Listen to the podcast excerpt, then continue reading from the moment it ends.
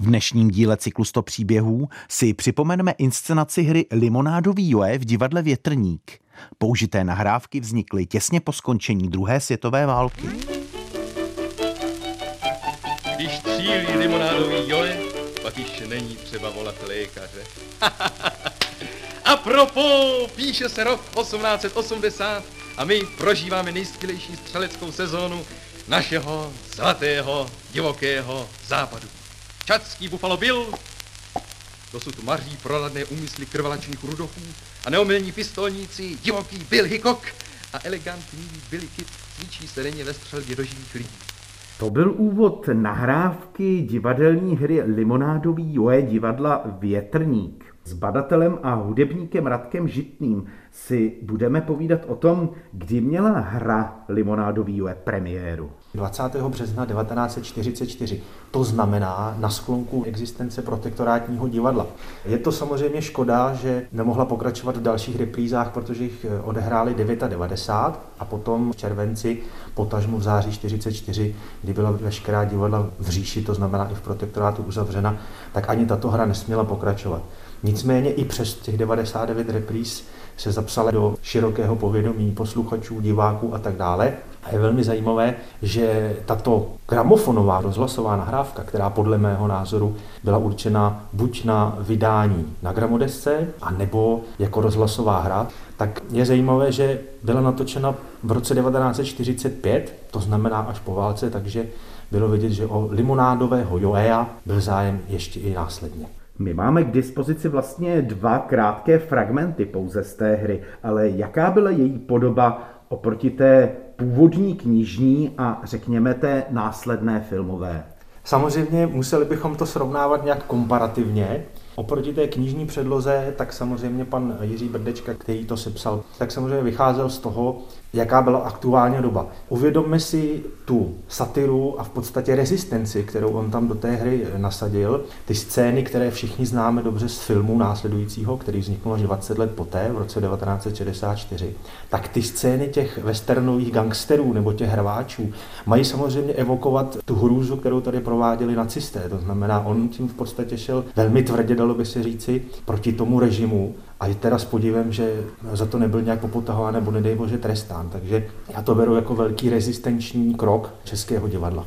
Kdo a v jaké roli či funkci se na té hře podílel a kdo účinkuje na těch dochovaných fragmentech, které máme k dispozici? Vedle slavného režiséra eh, Josefa Šnídy, který vlastně za to všechno mohl, za celou existenci divadla Větrník, jak od roku 1941, kdy vznikly, až tedy potažmu do roku 1946, kdy divadlo zaniklo, tak v této hře původně na jevišti začínal mladičký Zdeněk Řehoř, později velmi slavný český herec, Tady na této nahrávce neúčinkuje, ale účinkují zde jeho kolegové z větrníku. Byli to pánové Václav Lohnický, který je téměř k poznání, řekněme, jemu se hlas moc nezměnil.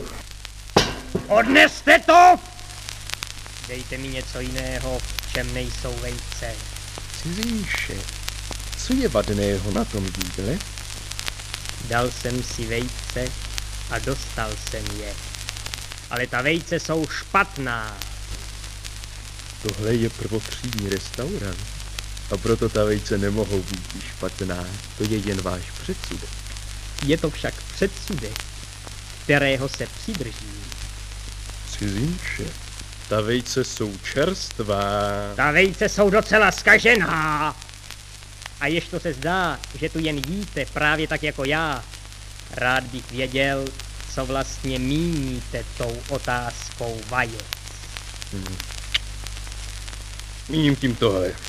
Majetnice tohoto restaurantu ještě je dáma, nemůže hájit pověst tvé stravy vůči cizincům předsudky ovládaným a proto to za ní dělám já, když jsem tady. A proto, když já řeknu, že ta vejce jsou znamenitá k jídlu, je tomu tak. Nesmíte ta vejce urážet a zahambovat tím, že je dáte odnést a dáte si něco jiného. Jak daleko chcete jít obraně pověstí těch vajec? Až do konce. Ta vejce jsou dobrá strava a vy je sníte tak, jak jsou. Nebo uzená. A můžete si z toho vybrat.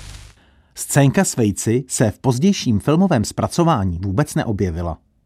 V dialogu natočeném v roce 1945 účinkuje Zdeněk Dítě jako krvavý Grimpo, ve filmu ho hrál Josef Hlinomas, a již zmíněný Václav Lohnický jako Buffalo Bill. Tato postava ovšem ve filmovém zpracování zcela chybí. Nechci ta vejce zahrnovat zbytečnými a nesmyslnými urážkami. Jsem ochoten uvítat ji jako přáteli a tak je i přijmout. Ale jdou mi proti srsti! A to je fakt. Nechme na minutku tu otázku uzení stranou. A já tu mám 50 dolarů, které praví, že ta vejce nesníte ani vy sám. tu sázku vyhraju a vyhraju ji snad. Jsou čerstvá, že ano.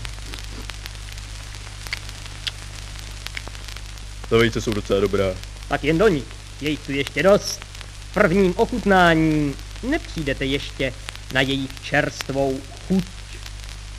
Kdybych měl váš žaludek, poušť by neměla pro mne hrůz. Člověk, který dovede jíst tahle vejce a pomlaskávat si přitom jako vy, nezemře hladem nikdy. To stojí za těch 50 dolarů, když člověk vidí, jak si na nich pochutnáváte. Vsadím druhých 50 dolarů, že si myslíte, že jsou docela chutná. Slyšel jsem už o indiánech. Mlčte už. Já nejsem žádný indián. Ovšem, že ne. Jste jistě celý bílý. Tak jen dál. Kam jdete? Což ta vejce? Nedojíte? Vyhrál jste si účet. Dejte si jídlo na můj účet. A vej? Ta vejce byla nepochybně mimo květ mládí. Zdeněk dítě, také velmi mladý herec, takže berme to tak, že divadlo Vitrník bylo takovou líhní té mladé generace, konec konců začínal tam také vlastně Brodský a mě vzpomínala na větrník velmi a velmi eh, sofistikovaně a velmi zaujatě paní Jaroslava Adamová, která tu scénu chválila jako neuvěřitelnou, nedotknutelnou a nezastupitelnou vůbec v celé její herecké kariéře. Tady už zaznělo, že to divadlo zaniklo hned v roce 1946. Co bylo důvodem? zadlužení, respektive předlužení toho souboru, protože ten soubor divadla Větrník střídal několikrát za těch pět krátkých let několik působišť. A v podstatě vznikaly tam nějaké pohledávky za nájmy a za nějaké autorské poplatky. Takže nakonec v roce 1946 to bohužel skončilo takže kvůli tomu předlužení, které by eh, dosáhlo vlastně až astronomických částek, až k milionu korun, to bylo vyřešeno, takže bylo doporučeno ukončení činnosti a ty pohledávky potom zaplatil stát. A mělo divadlo nějakou nástupnickou scénu? Nástupnických scén bych řekl, že bylo několik. Můžeme říct, že to bylo divadlo satiry. Vlastně řekněme i částečně znovu obnovené divadlo s Janem Verichem, ale řekněme, že ta jedinečnost byla natolik vysoká, že bych si netroufnul říct, že existoval nějaký opravdový nástupce divadla Vitrinky. Říká na závěr badatel a hudebník Radek Žitný. Dnešní díl cyklu 100 příběhů končí, naslyšenou ze studia se těší Pavel Hlavatý.